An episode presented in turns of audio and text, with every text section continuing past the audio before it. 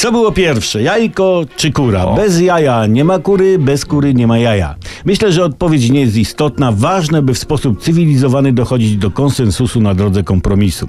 Ostatnio tak się porobiło, że zaczyna w Polsce brakować jaj. Dlaczego w Polsce nie ma jaj? Bo sytuacja jest poważna, gdyż zaczyna brakować jajek.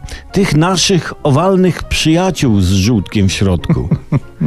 Hodowcy, plantatorzy jajek, tego owocu kurzego znoju sprzedają jajka na zachód, gdyż otrzymują za jajka wyższą cenę niż w Polsce. Okazuje się, że nasze polskie jaja są jajsze od jajek zachodnich, których im tam brak w tych Niemczech czy Holandii.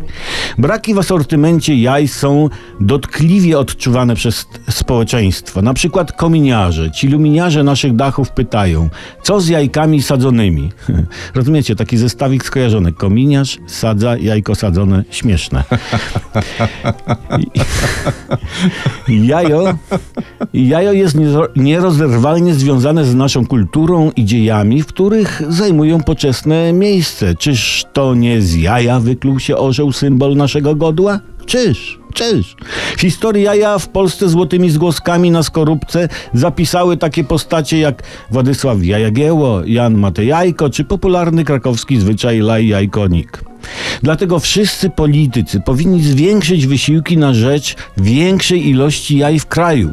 Apelujemy więcej konwencji opozycji, więcej spotkań prezydenta z prezesem, więcej wszystkiego, więcej jaj.